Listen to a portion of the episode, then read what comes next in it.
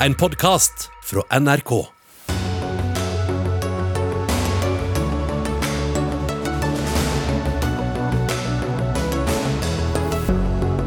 En lege advarer mot eh, langsiktige konsekvenser av koronasmitte.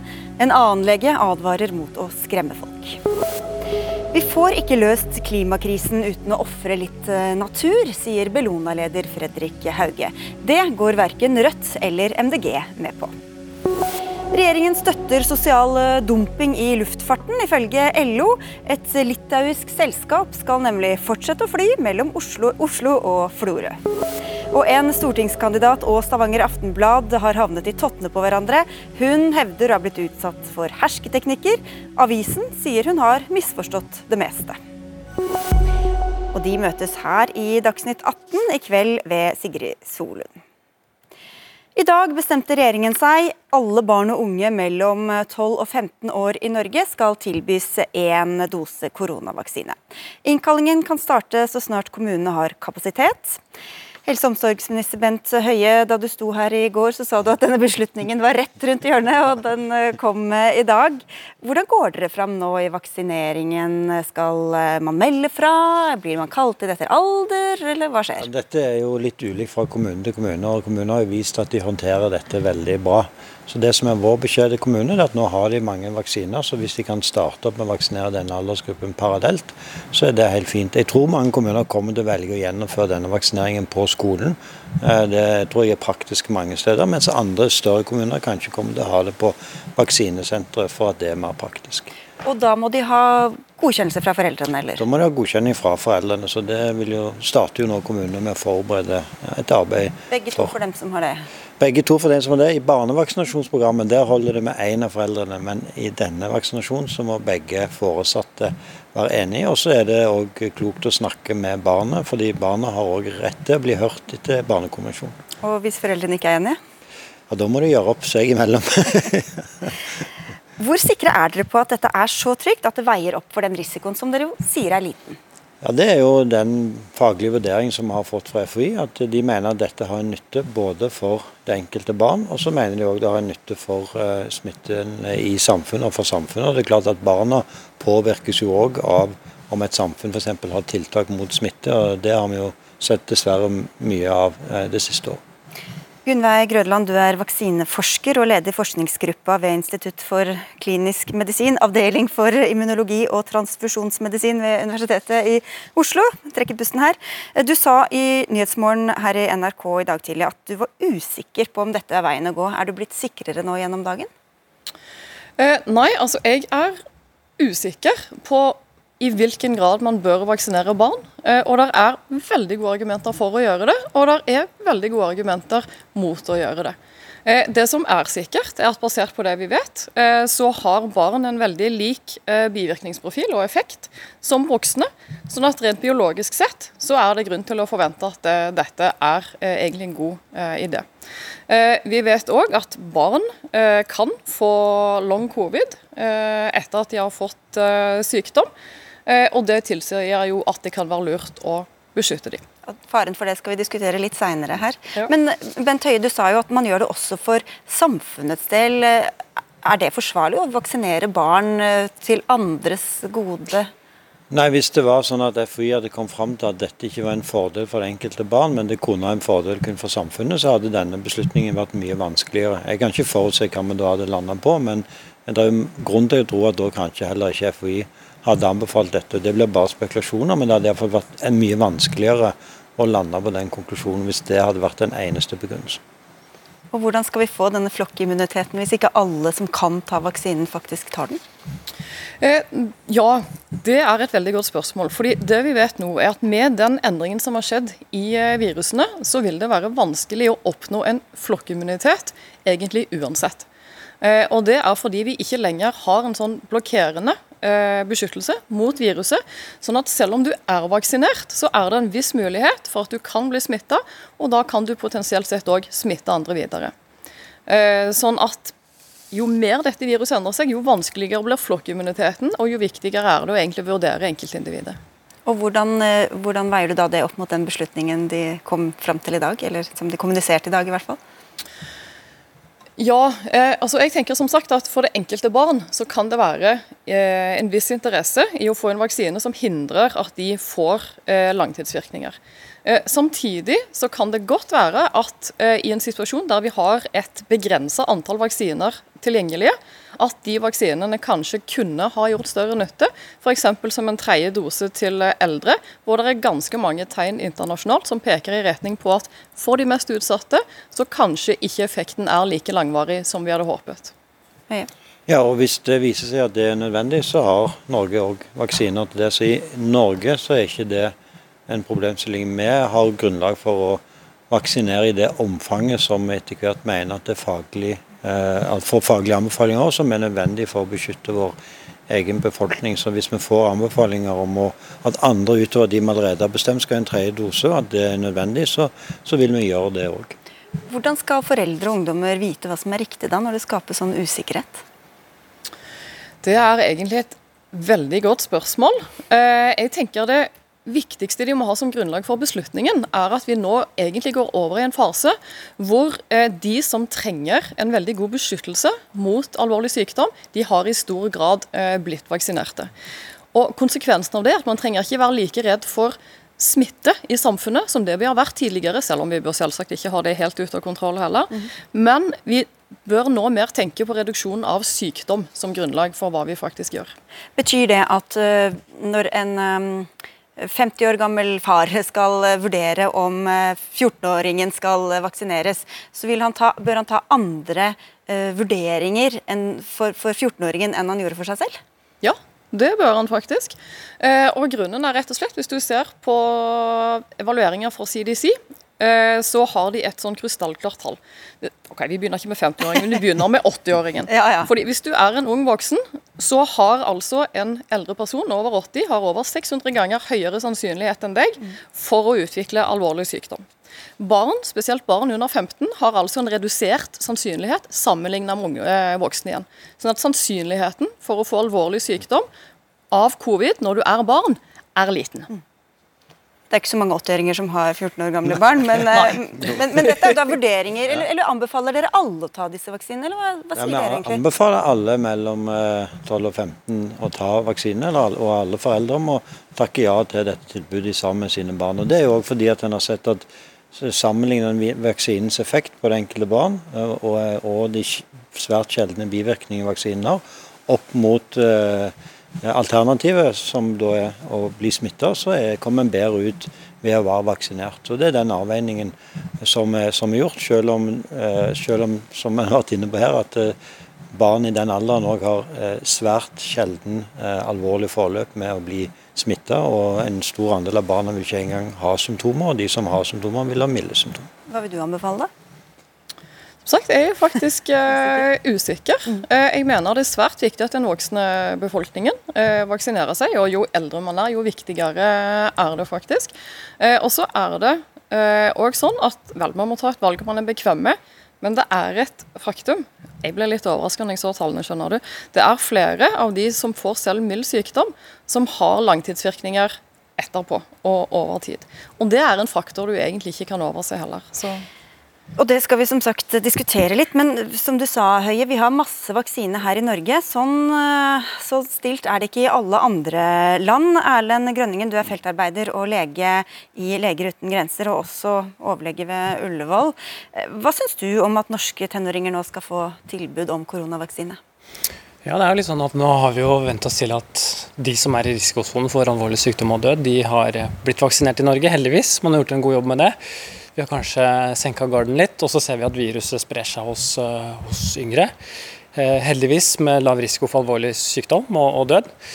Eh, og så ser vi at situasjonen er en helt annen andre steder i verden. Vi vet bl.a. at Afrika som kontinent så er ca. 2% fullvaksinert.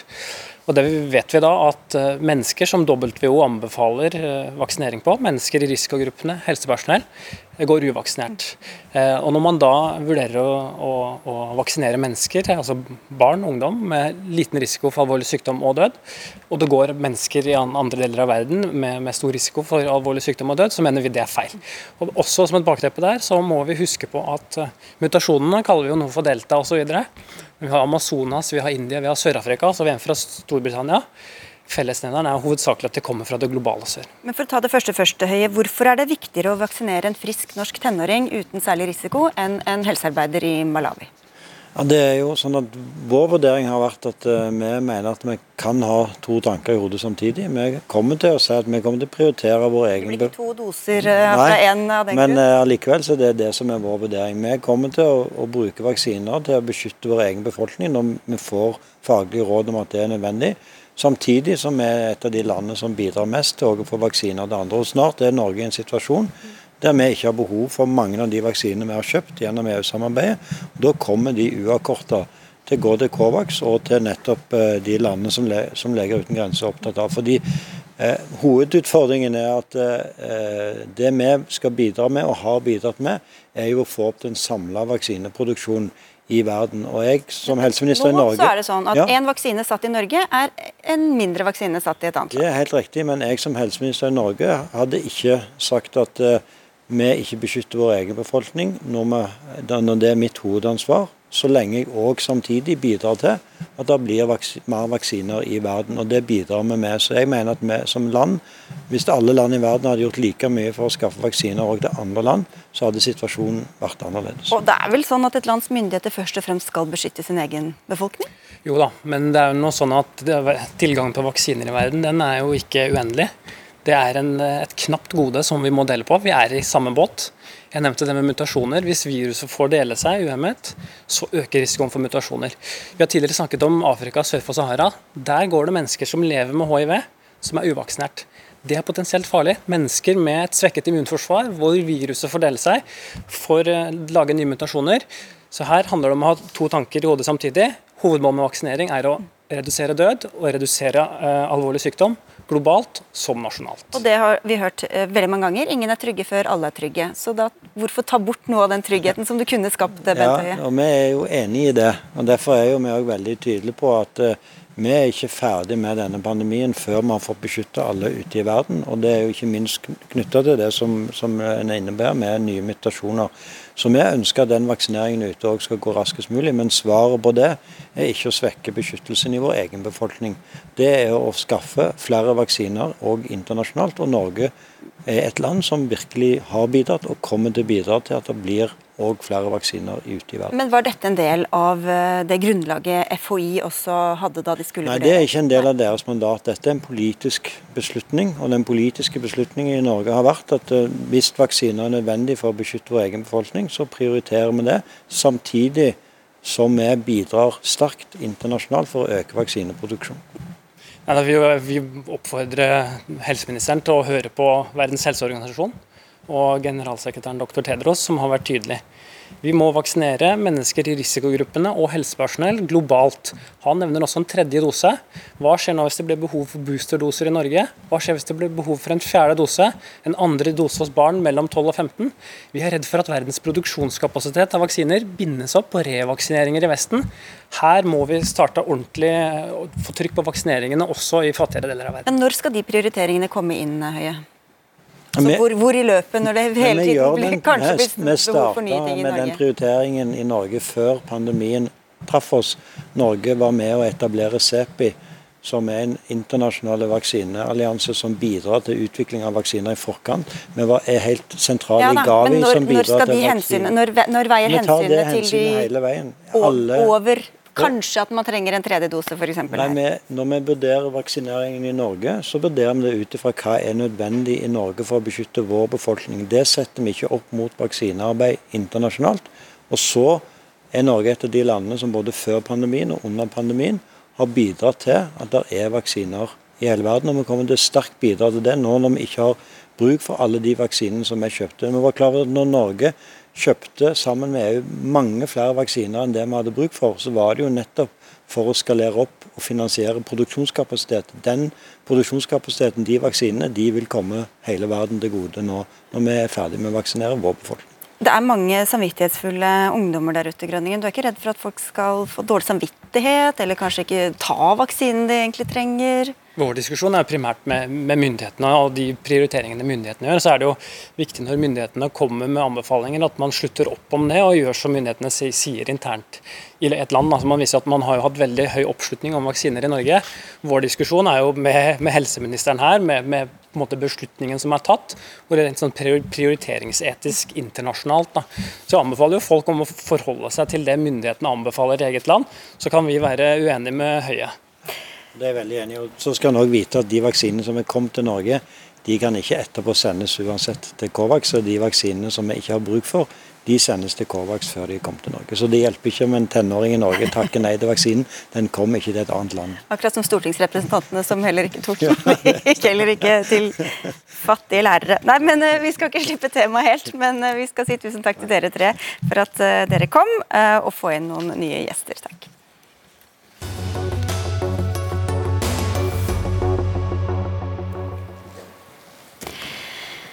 Det er eh, altså mindre risiko eh, ved å ta vaksinen enn ved å få covid-19, eh, hørte vi her. Som eh, myndighetene sier også at eh, for de aller fleste barn og unge så er det ikke så farlig å bli smittet av korona. Men det er jo ikke så lett å vite hva man skal tro. For det er flere forskere og leger som advarer mot de langsiktige konsekvensene av covid-19, også for barn, som vi så vidt var innom. Og i en kronikk i Aftenposten der advares det mot skremmebilder om eh, long covid, som det kalles. Altså vedvarende symptomer som utmattelse hodepine, tungpust, smerter, vondt i halsen og nedsatt smakssans. Pål Syrén, du er forsker og barnelege ved Folkehelseinstituttet og en av de tre kronikkeforfatterne. Hvorfor rykker dere ut og advarer nå? Jo, For det første så er det et eh, bud som er første bud i barnemedisinen, og det er at barn ikke er små voksne. Eh, man kan aldri bruke resultater fra eh, studier av voksne til å automatisk generalisere til barn. Eh, og særlig ikke med en sykdom som covid, som arter seg så ulikt hos eh, barn og hos voksne. Eh, det blir omtrent som om man skal bruke dødelighetsdata hos voksne til å generalisere om dødelighet hos barn. Så det er det viktigste ankepunktet. En annen ting vi reagerte på, er at Sørås i sine VG intervjuer fremstilte altså, Din mote på her, som ennå ikke er uh, ja. presentert? Mm. Eh, det ble fremstilt som at det ikke finnes kunnskap i det hele tatt om senfølger av covid hos barn, um, og det gjør det faktisk. Vi kunne gjerne ønsket oss studier, enda flere studier og studier med enda mer langvarig behandling, men det finnes faktisk gode studier som ikke gir grunn til den type uro, mener vi.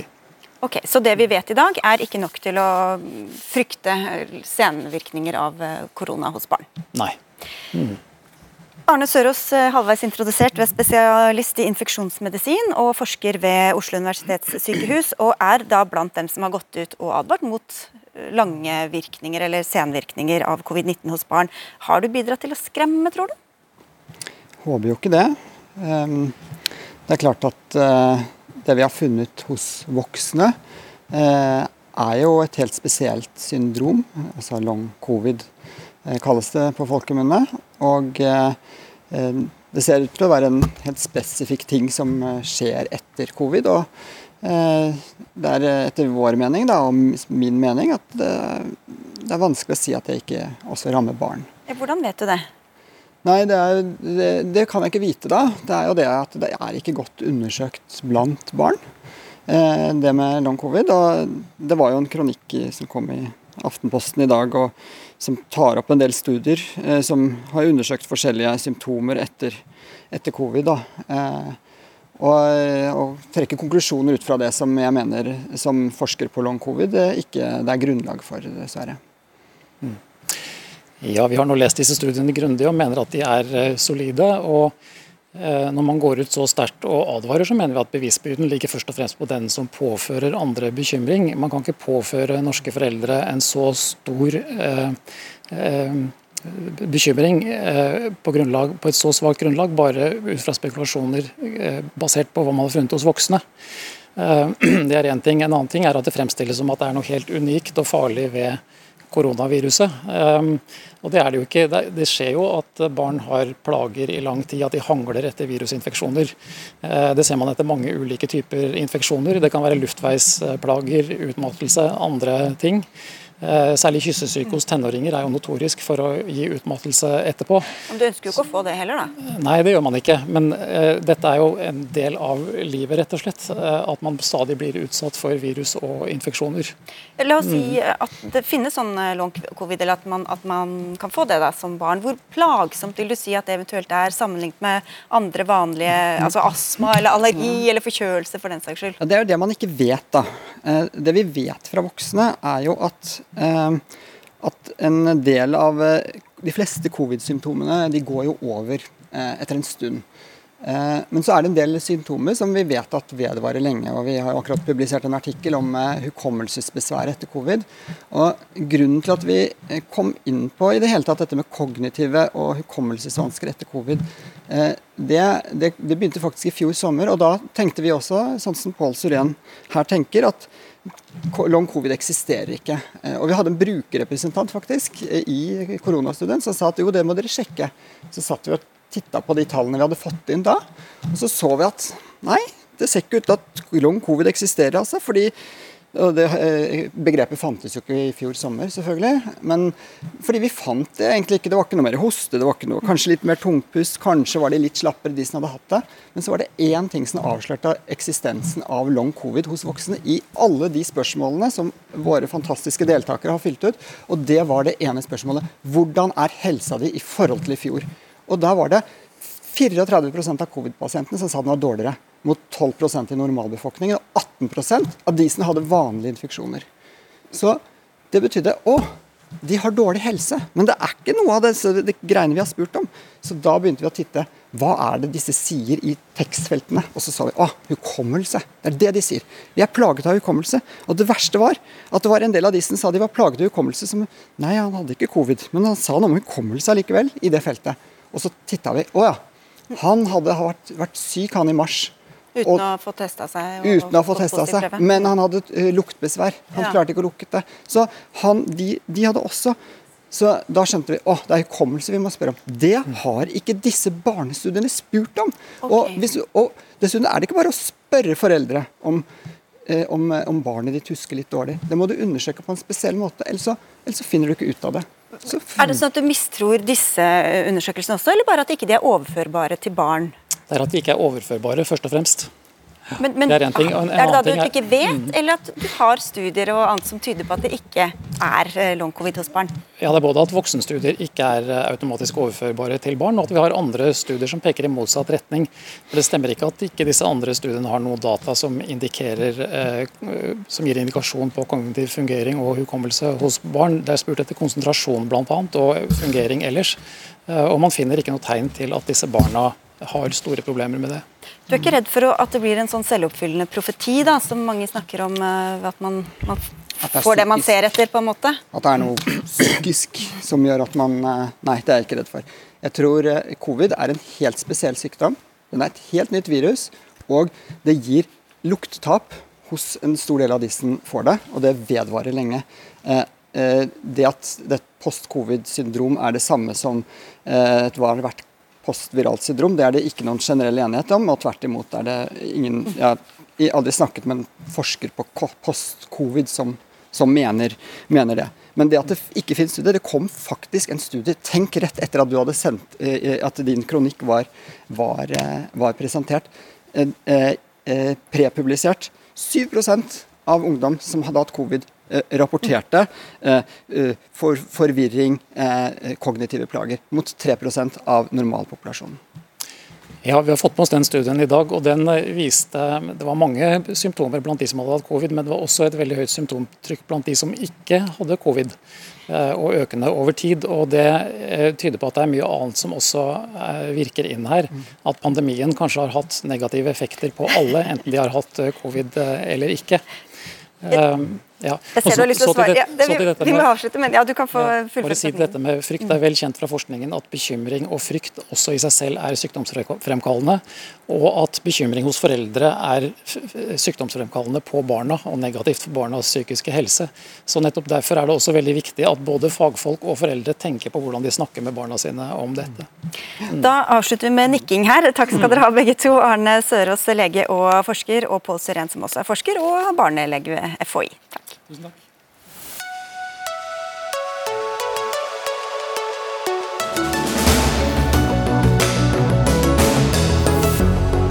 Legger regjeringen til rette for sosial dumping i luftfarten? Det skal vi ta opp senere her i Dagsnytt 18. Men nå.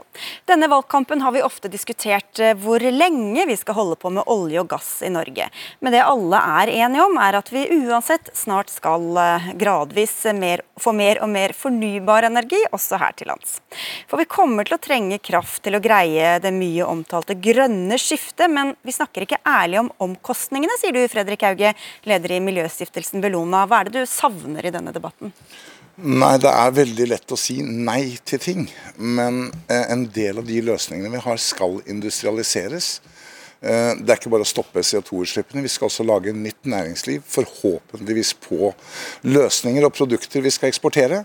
Da trenger vi masse kraft til batteriindustri, hydrogenproduksjon, til å elektrifisere bilparken.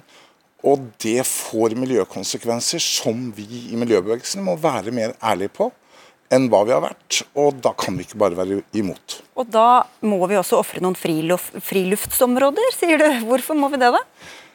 Eh, hvis vi tar et eksempel da, som var utgangspunktet for det utspillet mitt, så er det nå meldt inn 2800 megawatt kraftbehov f.eks. i Grenland. Og vi må både diskutere hva ønsker vi, eh, og så må vi diskutere hvor den kraften kommer fra. Og så sier alle havvind, men havvind er dobbelt så dyrt som landvind. Eh, Jeg har jo en stor tro på at sol kan komme til å bli en stor løsning, men også det krever arealer, selv om det er en tiendedel. Eh, Vi trenger metaller, vi trenger denne type løsninger. Og miljøkampen er blitt i veldig stor grad en nei, og vi må også skape folkelig aksept og forståelse for hvorfor det vil bli en del ødeleggelse av eh, den naturen sånn som vi kjenner den i dag. Vi må prøve å minimalisere det, men vi må ikke stille oss utenfor debatten. Fordi da får vi ikke anledning til å påvirke hvor. Rasmus Hansson, du er stortingskandidat for Miljøpartiet De Grønne, men med en fortid i miljøbevegelsen. Er du enig i premisset her, at vi må ofre noe natur hvis vi skal bremse klimaendringene?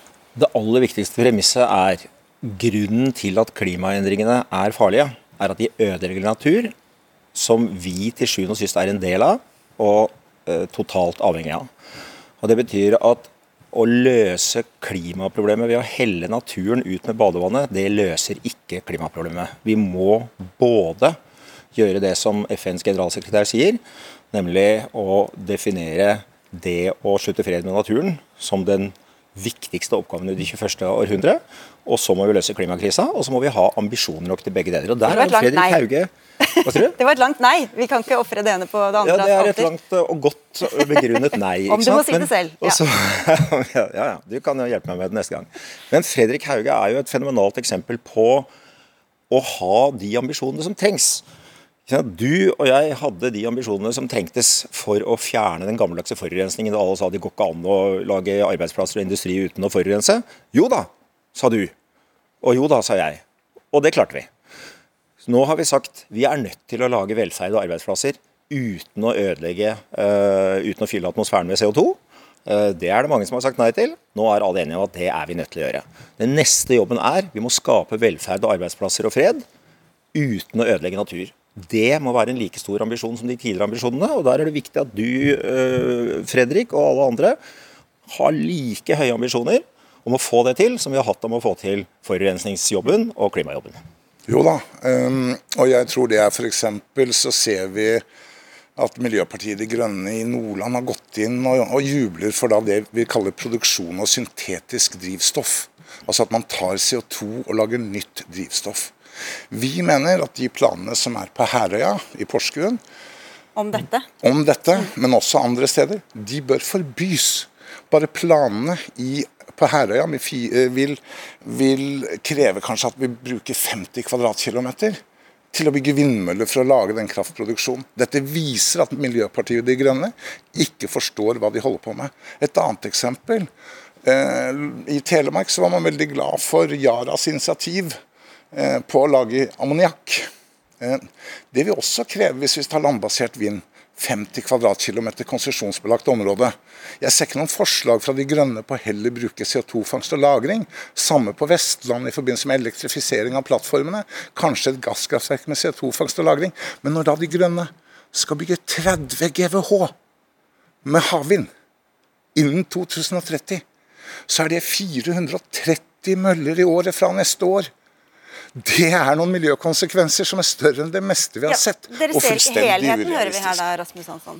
Først jeg vil si er at jeg synes det er litt overraskende over at Fredrik Hauge benytter tida si til å være mest bekymret over akkurat Miljøpartiet De Grønne. Eh, Nei, det i gjelder alle, men du stilte i natur, og i naturkampen. Eh, så vi er et parti som virkelig prioriterer miljø og natur. Jo, men Og er det ikke litt sånn at Det- det- alt som virker miljøvennlig på, altså, Ja, dette er miljøvennlig, men tar man liksom det store bildet, det hele regnskapet med i de betraktning? grader. Altså for det første, det er nødvendig å starte med øh, hvilke problemer vi skal løse. Vi skal løse naturproblemet sammen med klimaproblemet. Det er ikke enten-eller, det er både og. Og så øh, er vi nødt til å utforske mange løsninger. Øh, noen kan funke, noen kan ikke funke. Men vi må sette veldig harde klimakrav til vind, til, øh, til industrielle løsninger, til havvind, og det kommer vi til å gjøre. Vi er jo ikke et nei-parti som sier nei til løsninger. vil si ja til å prøve ut løsninger, men stille høye miljøkrav. Eh, og så er det ingen, er det ingen som sitter med totalløsningen på akkurat hvilke ting som vil virke best. Ok, men du, Vi skal få inn en tredjeperson, men bare først, Fredrik Hauge. Vi vet jo at klimakrisen henger sammen med naturkrisen. Det ene forsterker det andre. Så hvordan kan det i det hele tatt løse klimakrisen ved å ofre eh, nærmiljø og ofre natur? Fordi vi trenger betydelig mer kraft hvis vi skal produsere alt det som trengs for de grønne løsningene. Eh, batterier er sannsynligvis noe av det mest fornuftige vi kan holde på med. Hydrogen kan også bli en løsning. Men når da partier som Miljøpartiet De Grønne går inn for f.eks. syntetisk drivstoff, så er det fullstendig meningsløst og kunnskapsløst. Og Det er ikke et angrep på De Grønne, for jeg finner tilsvarende eksempler. Altså Hva Senterpartiet klarer å si om biodrivstoff, det er på en måte verre, det. Men, men jeg synes vi må være ærlige på hva dette, hva dette koster. Mimmi Kristiansson, du er stortingskandidat eh, for eh, Rødt. Dere er mot f.eks. vind både til, lands, eh, til land og til havs. Eh, Hva sier du, hvordan skal vi klare å få til alt det Fredrik Hauge skisserer her, eh, uten å bygge ut mer kraft? Vi må jo òg være ærlige, som Fredrik Hauge sier, om hva vi egentlig skal bruke all denne strømmen til. Og Realiteten er at nå pågår det en enorm mengde planer som rett og slett bare vil bety å sløse bort den kraften og fornybare kraften som vi alle allerede har. Vi bygger eh, overføringskabler for å selge strøm ut av landet. Vi bygger, eh, planlegger elektrifisering av sokkelen fra land, som i praksis bare innebærer å flytte klimagassutslipp eh, til et annet sted i verden. Og vi har store planer om å bygge ut datasenter og bitcoin-mining og kryptovaluta og tull og tøys. Så vi er nødt til å bruke kraften vår smartere enn vi gjør i dag. Og vi kan ikke, i en verden med begrensa ressurser, bare bygge ut mer og mer og mer. Og det blir ikke noe grønt skifte ved å ødelegge urørt natur. Det er ikke et grønt skifte å rive opp urørt natur for å legge anleggsveier til vindkraft f.eks. Sånn at skal vi ha et grønt skifte på alvor, og ikke bare en grønn bløff, så må vi selvfølgelig ta vare på naturen òg, ikke bare klima. Ja, nå er det sånn at Rødt har lagd et 28 siders dokument om rettferdig miljøpolitikk. Det er ett avsnitt i dette dokumentet som er viet til hvordan vi skal få ny kraft. Samtidig vil de elektrifisere syv vi har lagt en industrianlegg. vi har lagt en egen kraftplan òg, Fredrik Hauge. Ja. Eh. Ja, men, ja, men du sier at det er ikke noe miljøparti i det hele tatt? Og de, Jeg synes det er ganske rystende at f.eks. Naturvernforbundet har sagt at Rødt er et miljøparti. Fordi de har ingen svar på hvordan vi skal bygge den nye industrien. De vil bruke penger på å styrke f.eks. Hydro. Men det vi trenger er ikke den type gamle industristrukturer til å lage ny innovasjon. Vi trenger tusenvis av ungdommer som ser lønnsomhet i å starte opp nye selskaper. Så det er så mange ting som, som er å kritisere på Rødt. De har bare nei, men de har ingen løsning på hvordan vi skal løse dette. Kristiansand. Ja, Nå virker det som Fredrik Hauge ikke har gjort hjemmeleksen sin. Rødt har jo lagt fram en kraftplan Fredrik Hauge, som du tydeligvis ikke har lest, der det er masse ja- og til hvordan vi skal bygge ut. Vi skal oppgradere vannkraft. Vi er positive til solkraftsatsing, og vi er selvfølgelig positive til enøk og til å spare strøm, i tillegg til at vi legger bort idiotiske sløseprosjekter av typen krafteksport til kontinentet, av typen elektrifisering av sokkelen. Så vi har massevis av realistiske løsninger for hvordan dette skal gjøres. Og når Naturvernforbundet har kåra oss til et miljøparti, Fredrik Hauge, så er vel kanskje forskjellen på Naturvernforbundet og Bellona at Naturvernforbundet ikke er betalt av strømbransjen, sånn som din organisasjon eller stiftelse da er. Så da er det klart at man har kanskje litt annet syn på hva som er riktig miljøpolitikk. Jeg syns det er interessant at Mimir Kristiansen går på, på Bellonas integritet løs. Det må han gjerne gjøre. Jeg tror de i Rødt har et ærlig og oppriktig engasjement. Men å tro at kraftkablene til utlandet er en del av dette problemet Det å tro at en, Vi skal selvsagt gjøre energiøkonomisering. Vi skal selvsagt oppgradere vannkraftverkene. Men det er ikke nok. Vær så snill, to pluss to er fortsatt fire, selv om man er kommunist, liksom. Her er, jo, her er jo dere også uenige med Rødt, eh, Hansson. Dere er jo for havvind, f.eks. Vi- Så sier Fredrik Haug at det er dobbelt så dyrt som, som eh, vindkraft eh, på land. Bare, jeg er ikke imot. Nei, nei, nei, nei men, men det, du sier at man må ta hensyn til, til økonomien i det også. Alle nye løsninger er dobbelt så dyre som de gamle løsningene. Og vi har gått inn for dem allikevel. Elbiler, solceller, vind og det ene etter det andre. Eh, og så har vi sørget for at de blir lønnsomme, fordi vi ser at vi trenger dem, og det kan vi gjøre. Og kommer vi til å gjøre, også med havvind. Det satses jo massevis på havvind eh, overalt. Storbritannia satser større på havvind enn det selv Miljøpartiet De Grønne foreslår i Norge. Dette ikke bare skal vi ha, men det er helt sikkert at det kommer. At Rødt sier totalt nei til havvind, det får nå de diskutere internt hvordan i all verden de får det til å henge sammen. Poenget er vi må både stille krav til hvilke løsninger vi skal utvikle, satse på det, og så må vi stille krav til at det ikke skal ødelegge natur, og så må vi ha tro på at det går an å lage en verden hvor vi ikke ødelegger naturen vår. Og da er det uheldig at en kar som Fredrik Hauge tar et halvt skritt tilbake til Arbeiderpartiet og Høyre og sier jammen, eh, vi må rasere litt natur. Da åpner du den bakdøra som vi nå får lukket, sånn at vi kan komme framover og skape velferd uten å ødelegge natur. Det er framtidas oppgave, sammen med at vi ødelegger klimaet. Da må vi ha så høye ambisjoner som vi har hatt før, og det må vi fortsette med. Ikke ødelegge klimaet, Tror, men tror, redde tror du fiskerne synes at det å bygge 3900 vindmøller de neste ni årene langsmed kysten kan være noe å ødelegge litt natur? Det er ikke sikkert at uh, fiskerne litt. er de eneste hensynene vi Men- skal men ta ødelegger du litt i natur med den eh, utbyggingen, spør jeg? Det gjør fiskerne også. Ja, men, ja, men det var man- ikke det jeg spurte om. MDGs plan Jeg den vet at du ikke ødelegger litt. spurte om det, men jeg svarte. Ja. Eh, Det jeg svarte er at man båndlegger noen arealer i Nordsjøen som er fisket i stumper og stykker, er slett ikke sikkert at er et stort problem for naturen. Men, at Men vet vi du det? en- Før du går at- ut med planen? Men at vi har en interessekonflikt mellom fiskeri og, øh, og potensiell øh, havvind, det er selvfølgelig sikkert, og det skal vi håndtere på en høyst ansvarlig måte, samtidig som vi undersøker Ok. Men- men- Og da sier miljøkonsekvensene. de- Men, Men poenget er er Få altså inn Rogaland her også, for Mimmi Kristiansson. Dere sier. Nei til alt eh, av dette, i hvert fall. Og så skal dere energieffektivisere. Men de eksemplene du trekker fram, er jo nye ting. Altså ikke noe man kan spare strøm på i dag. Så hvor skal kraften komme fra til alt den nye industrien som dere også ønsker å bygge opp? Ja, Vi vil jo da oppgradere vannkraftverkene, det sier vi ja til. Vi vil bygge ut eh, solkraft, det sier vi ja til. Vi vil satse på biomass, det, det sier også, vi ja til. Det kan jo bli også mye naturinngrep av solkraftparker, Absolutt. og vi må jo, altså Jeg skal være helt ærlig. jeg selvfølgelig Alt vi mennesker gjør, all menneskelig aktivitet nærmest innebærer jo en eller annen form for naturinngrep. Men vi må jo være utrolig forsiktige. Og Det vi har gjort med vindkraften, har jo ikke hatt noen som helst positiv betydning for Norge. Skaper nesten ingen arbeidsplasser. Strømmen og profitten rett ut av landet. Vi har ikke behov for den kraften. Og jeg må jo si jeg synes det er merkelig at eh, et miljøparti som MDG tydeligvis ikke tror at det blir miljøødeleggelser og miljøinngrep bare vindmøllene er på havet. Det er jo klart at Bare fordi du ikke kan se det fra stuevinduet ditt, Rasmus Hansson, så er det jo rimelig store naturinngrep ved å bygge ut flere tusen eh, vindmøller. Ja, det var jeg som snakka nå, da. Så hvis det er en om gangen, så er det min tur. Ja. Så Det er åpenbart veldig store naturinngrep, som også Fredrik Hauge er inne på, også ved å bygge ut eh, vindkraft til havs. Og Det er mye mer kompliserte økosystemer i havet som vi virkelig ikke har oversikt over hvordan blir påvirka av dette. Så MDG må iallfall være ærlig på at det er akkurat like store miljøinngrep om man gjør det på havet som man gjør det på land. Ja, det og Så får man heller forklare hvorfor man eh, vil gjøre det okay. til havs og ikke på land. Ja. Altså det, det, er så meningsløst at vi har en sånn diskusjon. Vi er jo fullstendig ærlige på at vi vet at det uh, vil ha naturkonsekvenser å bygge ut vind. Spørsmålet er hvordan gjør vi det? Kan vi gjøre det med små naturkonsekvenser? Kan vi gjøre like store teknologiske framskritt på vind som vi har gjort på elbiler og på uh, industriforurensning og på masse andre ting?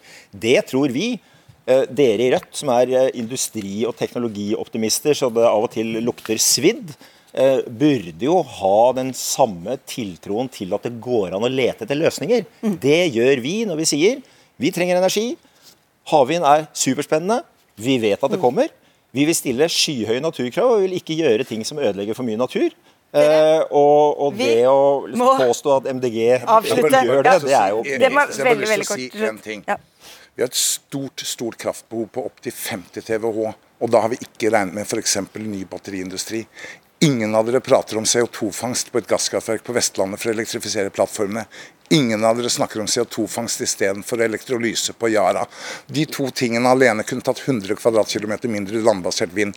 Ingen av dere snakker om å forby produksjon av syntetisk fuel. Og ingen fortjener å snakke om det heller. Og så er det sånn, ingen av de, dere avslutte. satser på sol som er en tiendedel av realforbruk. ok, da vil alle på, og ingen får lov. Så vi må si takk skal dere ha alle tre. Vivi Kristiansson, Fredrik Hauge og Rasmus Hansson for at dere kom til Dagsnytt 18 i dag.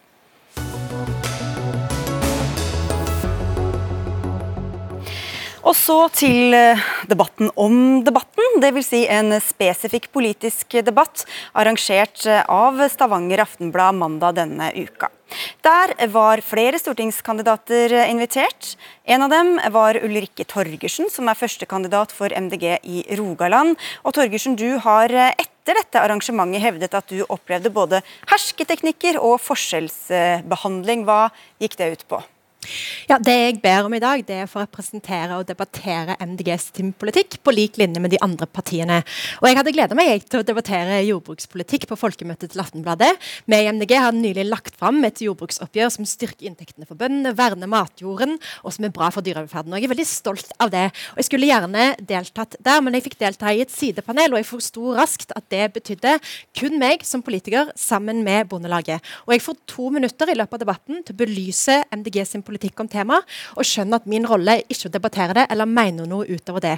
Og Så utvikler debatten seg nettopp til å handle om MDG sin jordbrukspolitikk. De andre politikerne sin bruker taletiden sin til å spre faste myter og polarisere om MDG sin politikk. Angrepene går på mange ting, og de kommer fra flere hold, og jeg får ikke mulighet til å svare. Og de kommer etter at jeg har gått av scenen. Og på et tidspunkt så hever jeg stemmen i frustrasjon og krever om å få svare, og da blir jeg vifta bort med hånden av programlederen som har ryggen til meg. Og dette syns jeg er ganske synd. Alle partiene burde få mulighet til å stille på lik linje. Det syns jeg skal gjelde for alle partier. Dette gjaldt nå denne gangen kun for meg, men det mener jeg er et grunnleggende demokratisk prinsipp. Vi skal prøve å sette det inn i et litt eh, større bilde, men de som følger oss på TV ser at det står en mann ved siden av deg. Det er deg, Lars Helle. Du er sjefredaktør i Stavanger Aftenblad. Hvorfor, hvorfor ble det som det ble?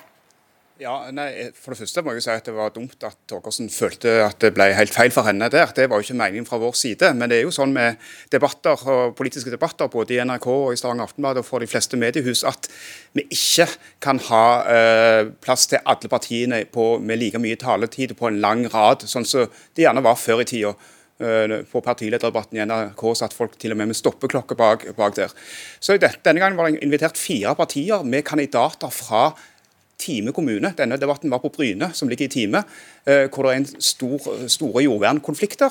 Eh, landbruksministeren var også med, hun er fra nabokommunen. De, de utgjorde et, et, et, hovedpanel. Og så var som nevnt her Bondelaget til stede, og MDG var spesialinvitert fordi at de har utfordra jordbruket på, eh, på, dette med kjøttproduksjon kontra annen type produksjon, f.eks. Eh, når det gjelder grønnsaker og, og eh, belgfrukt okay, osv. Vi må, vi må litt til poenget her også. fordi Torgersen, du sier jo at dette var hersketeknikker, og konkluderer også med at dette handlet om kjønn, alder. Hvordan kan du egentlig komme fram til det, bare ut fra det vi har hørt her? Ja, Som ung politiker så er jeg vant til å møte hersketeknikker og usynliggjøring. Og Helle har eh, anklaga meg for å ta på meg en offerrolle når jeg gir beskjed om at jeg ønsker å bli likestilt med de andre i panelet. Det mener jeg er helt grunnleggende. Og det er jo sånn at Jeg hører at Aftenbladet sier at de understreker at de respekterer unge stemmer, og intensjonene var gode. Men de sender jo et helt klart motsatt signal når de setter meg som den yngste politikeren i et sidepanel i en debatt som går ut på å kritisere MDG, der jeg ikke får mulighet du, til du, å svare. Her, her tror jeg Torgersen uh, tar et lite utsnitt av debatten, for han gikk på mange mange andre ting enn dette her. Ikke minst den jordverndelen som, som debatten handler om til å begynne med. Og Det er helt uh, feil når hun uh, prøver å sette seg inn i denne rollen. Eller jeg mener at Det med offer, uh, ta på seg offerrolle er ganske korrekt. For det med alder og kjønn var noe som kom fram etter, etter, etter debatten fra hun selv. Og jeg ble litt, nesten litt, i utgangspunktet ble jeg litt lei meg for det. For det, at, det har vært et tema, vært viktig for oss å, å behandle både hun og de andre unge politikerne eh, skikkelig i denne valgkampen. og Derfor har Torgersen vært med på alle tingene vi har hatt. Hun har hatt en ganske framtredende rolle i den politiske dekningen. Så dette kunne like gjerne blitt gjort mot en eldre mann? Ja, absolutt. Og, og, og jeg vil også nevne at det var en del partier som ikke engang fikk lov å være til stede i denne debatten. og Bl.a. Arbeiderpartiet og Fremskrittspartiet, som er langt større enn MDG. Sånn at Vi er nødt for å, å, å velge ut litt de som er relevante og har, har, mye å by på. Og vi mente altså at Torgersen hadde noe å by på i denne debatten, som ikke var med hvem som helst. Det var med lederen i Norsk Bondelag. Så, så hvordan hun plutselig føler seg eh, desavuert og, og, diskriminert i denne sammenhengen, det er litt uforståelig for oss. Og jeg mener faktisk det er litt kynisk av henne å komme i etterkant og, og, og, og begynne å snakke om, om, alder og kjønn. For det var ikke det som var problemet i denne debatten. Jeg ser at vi kunne gjort ting annerledes. Jeg tror faktisk MDG og Torgersen også kunne gjort en del annerledes. F.eks. gjøre som de andre debattantene og sette seg mer inn i, på forhånd av hva dette handler om, og hvordan, hvordan opplegget var. Og Det var hun den eneste av debattantene som f.eks. ikke tok kontakt med debattlederen på for, i forkant for å, for, å, for å, eh, høre nærmere om hvordan dette opplegget var. Torgersen, hvordan, hvor, altså, Hvorfor leser du dette inn i et sånt alders- og kjønns perspektiv i det hele tatt.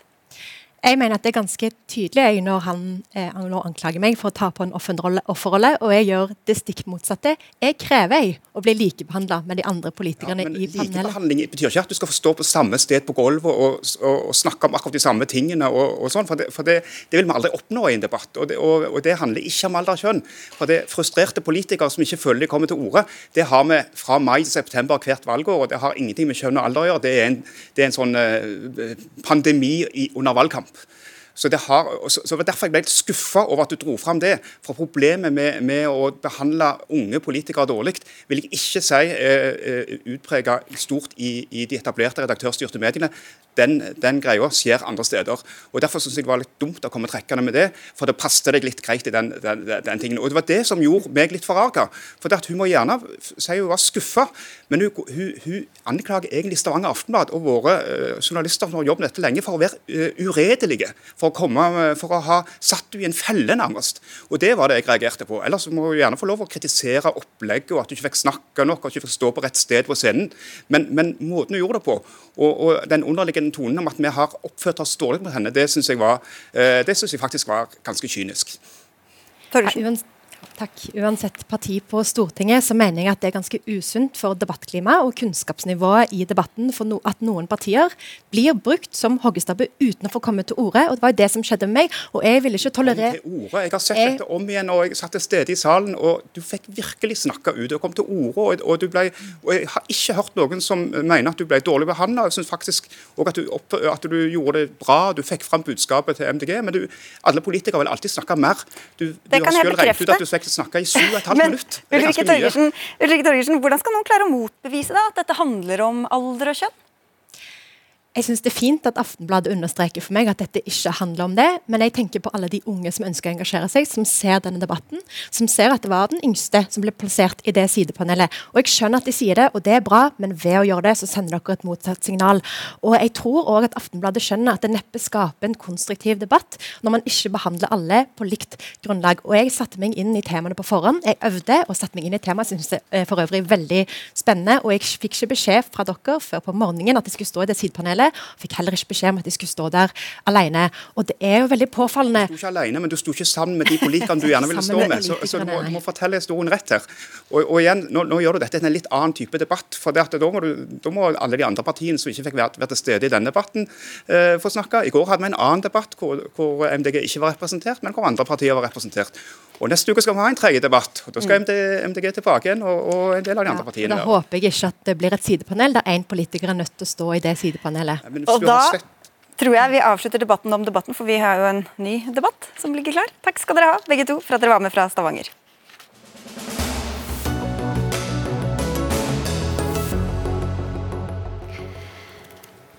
Regjeringen støtter sosial dumping i distriktene. Det mener i hvert fall eh, LO. Grunnen er at et eh, litauisk datterselskap av danske DAT har fått forlenget kontrakten til å fly strekningen Oslo-Florø fram til 2024. Og hva er problemet med det, LO-leder Peggy Hessen Følsvik? Vi syns det er oppsiktsvekkende at regjeringa nå tillater den samme modellen som Wizz Air i sin tid eh, prøvde seg på her i Norge på kortbanenettet vårt. Dette er rett og slett eh, litauiske ansatte eh, som er såkalt selvstendig næringsdrivende piloter, som har arbeidsgiver i det man skal kalle for en postboks eh, på Malta. Dette er altså de arbeidsvilkårene som regjeringa nå åpner opp for på det norske kortbanenettet. Ja, Statsstøttet sosial dumping, sier du på LOs hjemmeside. Mm. Mm.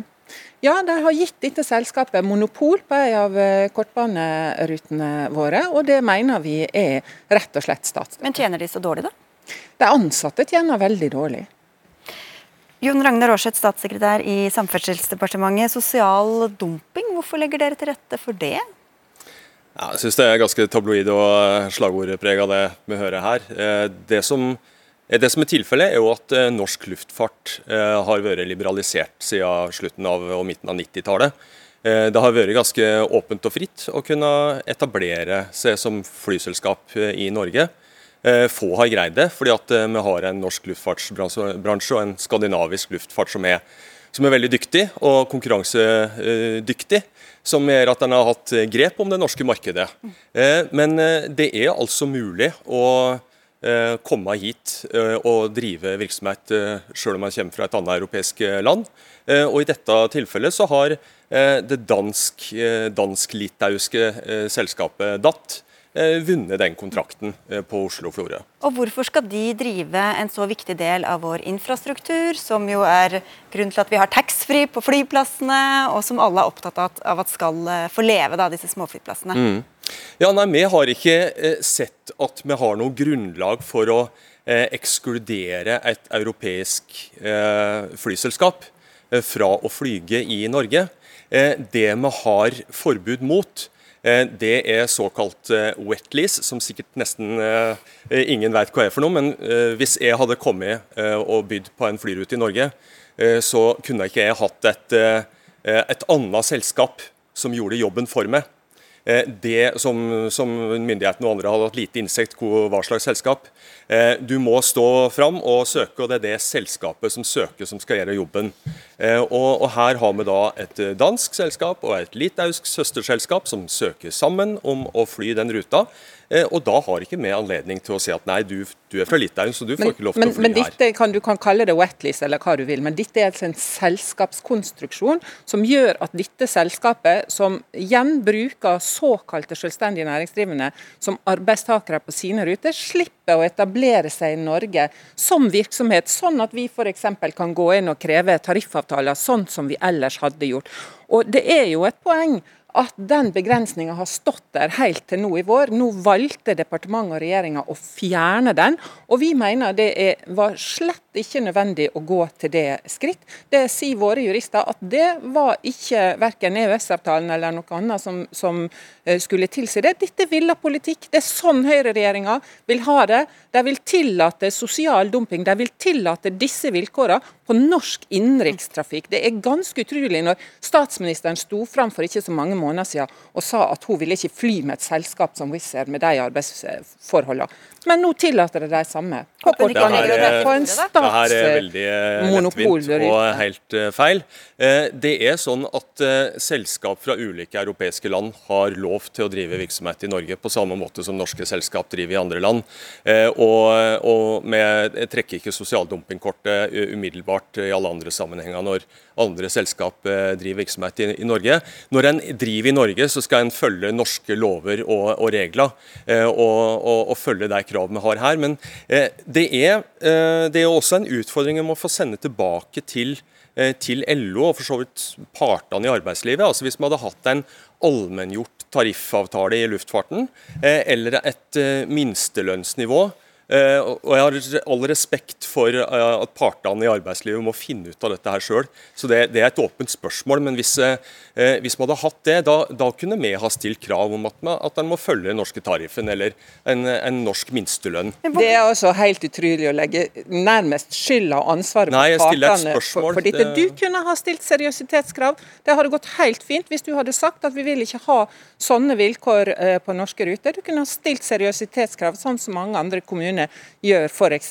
når det handler om eh, offentlige innkjøp. Den type av krav kunne du også stilt når du tildeler et monopol til et selskap på denne ruta. Hva slags betingelser er det for da, som kommer, kommer, kommer til å gjelde for de som jobber om bord? Altså, eh, En må følge luftfartsloven, arbeidsmiljøloven og, eh, og en rekke andre altså norske lover for å, eh, for å drive virksomhet eh, i Norge. Men fordi at det ikke er et eh, et definert minstelønnsnivå akkurat i luftfarten, så kan vi ikke stille akkurat det kravet. Du skulle ønske at dere kunne stille det? Eh, Det er, eh, det er en problemstilling som partene i arbeidslivet i dette landet Nei, det er det Ja, skulle, skulle du Det ønske er at, det at det var mulig? Er det loven som hindrer dere i å stille disse betingelsene? Ja, Eller er det kan- vi viljen? kan- Vi kan ikke stille krav om akkurat det, akkurat innenfor luftfarten. Og skulle du Eh, ønske men- at dere kunne det? Nei, det, jeg sier det at det, det er et åpent spørsmål for meg, i hvert fall til, eh, til partene. Så du vet ikke? Eh, jeg bare konstaterer at vi ikke har det. Eh, Ja, Vi er helt uenig i det. Vi mener at du kan gjøre det. Og For øvrig så vil jeg si at ansatte i luftfart, flygende personell, er unntatt arbeidsmiljøloven, så den stemmer heller eh, ikke. Så, så her, er, her er vi Men vi har jo alle muligheter hvis, eh, hvis eh, mot formodning dette selskapet, som eh, for øvrig er et selskap som flyr i, mange, mange land, og DAT har flydd eh, mye i, i Norge. Men dette er Eh, underselskapet og og søsterselskapet Det er et søsterselskap i? Litauen, ja. Eh, Så hvis det mot formodning skulle opptre i strid med kontrakten og, og ikke forholde seg til norske lover og regler, ja da kan vi i verste fall eh, ta det ut. Men, men Følsvik, jeg må bare få et spørsmål til. fordi at du, du sier at uh, dette kan gå utover sikkerheten i lufta. Hvordan begrunner du det egentlig? Altså Når du presser arbeidstakere så på arbeidsvilkår som den type aktører som dette gjør, når de er tvungne til å være selvstendige arbeidstakere, de er ikke engang ansatt i selskapet, de er selv ansvarlig for eh, sykelønnsforsikring, for eh, helseforsikring, eh, for, for alt det som hører til en selvstendig næringsdrivende. Og Dermed så er de jo fratatt enhver påvirkning i forhold til arbeidsforholdene sine. Dette er typisk det som vi ser rundt om i Europa, av useriøse selskap som truer den etablerte luftfarten. Jo, men Er det noe med- som erfaringsmessig tilsier at det er utrygt Ja. å fly med dem? Ikke så at det er utrygt å fly med dem, men at dette påvirker også sikkerheten. Ja, hvis sikkerheten. det går utover sikkerheten, så blir det vel Hvis en av disse pilotene f.eks. lar være, ikke lar være å gå på jobb når han er syk, fordi at det betyr at han ikke får betalt for arbeidstida si, så er det en potensiell eh, fare. Så for de som flyr mellom Florø og Oslo, de eh, har grunn til å være redde da for sikkerhet? Jeg ville ha tenkt meg om, ja. Mm. Jeg syns det er ganske det er ganske, ganske drøyt å, å, å påstå det, at det blir utrygt å fly mellom Oslo og Florø. Heldigvis eh, så, så er luftfarten en bransje eh, som er ekstremt sikkerhetsfokusert. Eh, Og, som er, og det, og det, Vi har en europeisk eh, luftfart som er ekstremt sikkerhetsfokusert. Eh, Og mm, fordi at det er en bransje der du ikke har lov å feile.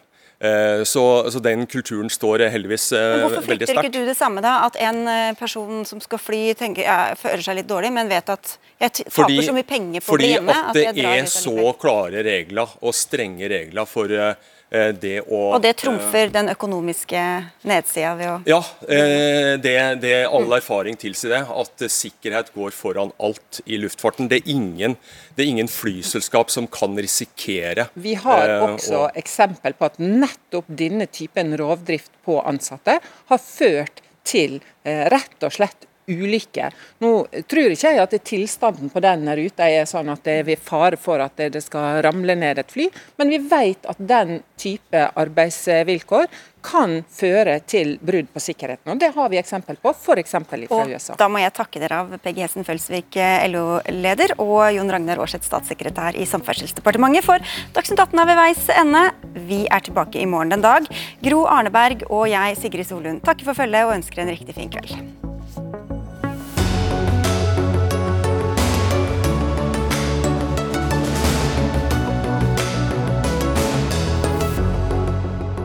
Du har hørt en podkast fra NRK.